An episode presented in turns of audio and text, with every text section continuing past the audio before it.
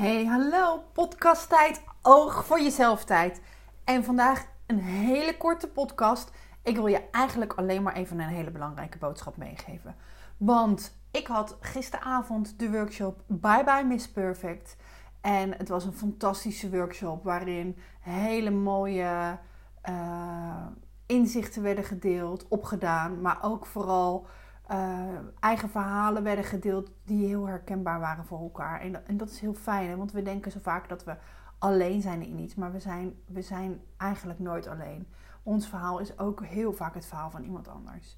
Maar goed, waar het eigenlijk op neerkwam, en dat kun je je wel voorstellen als we het hebben over perfectionisme en de lat hoog leggen, het altijd maar goed willen doen, is het uh, waar het eigenlijk over gaat, is het jezelf vergelijken met een ander. Want als je de lat hoog legt voor jezelf, ehm, dan doe je dat omdat je, ja, dat, omdat je wil dat een ander uh, er vaak goedkeuring of waardering aan geeft. Omdat een ander misschien het ook op die manier doet. Ehm, en waar ik het vandaag heel kort met je over wil hebben, is, is het hele simpele feit dat als jij iets doet 100% en je geeft er 100% aan, dan zal een ander dat precies datzelfde wat jij doet, zal die dat doen voor met maar 80% inzicht. Of misschien 120% inzicht, uh, inzet. Inzicht, inzet. Dus als jij iets voor 100% doet, dan doet een ander het met misschien 80% inzet. Maar het zou ook zomaar kunnen zijn dat een ander daar juist 120% inzet aan geeft. En de lat daarin voor zichzelf hoger legt dan, dan jij. Um, als je de lat hoog legt voor jezelf. Um, en het gaat vaak over iets met een ander. Want je doet het nooit voor jezelf. Je doet het eigenlijk heel vaak voor een ander. Uh, misschien ben je daar nog niet zo bewust van. Maar dat is wel waar het over gaat. Dan, um, dan ben je jezelf onbewust aan het vergelijken. En wat gisteren heel duidelijk in de workshop naar boven kwam. En dat is eigenlijk de boodschap die ik je nu mee wil geven is dat je mag stoppen met jezelf vergelijken met een ander.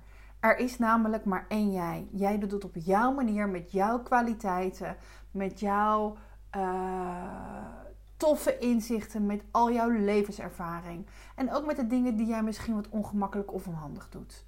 En dat is helemaal oké. Een ander heeft weer zijn eigen kwaliteiten, maar ook zijn eigen onhandigheden. Um, het is dus eigenlijk appels met peren vergelijken. Je mag jezelf best vergelijken, daar gaat het niet over, maar vergelijk jezelf dan met jezelf. Met jezelf van vorige week, met jezelf van een paar maanden geleden, met jezelf van een half jaar geleden, met jezelf van vijf jaar geleden, of misschien met jezelf uit de puberteit of nog uit je jeugd. Om als je jezelf met jezelf vergelijkt, dan kun je pas zien welke stappen je maakt, welke verandering je doormaakt. Uh, kun je eigenlijk je eigen groei zien en wordt het veel makkelijker om van daaruit weer verder te gaan. Dus hebben we een deal? Ga je vanaf nu jezelf met jezelf vergelijken? Want dat is pas helpend. Oké, nou, als dit met je resoneert, Laat het me weten. Ik zou dat echt heel tof vinden. Ik krijg uh, zo af en toe wel eens een berichtje van mensen die mijn podcast hebben geluisterd. En dat vind ik heel fijn, want dat geeft mij ook weer een beetje richting.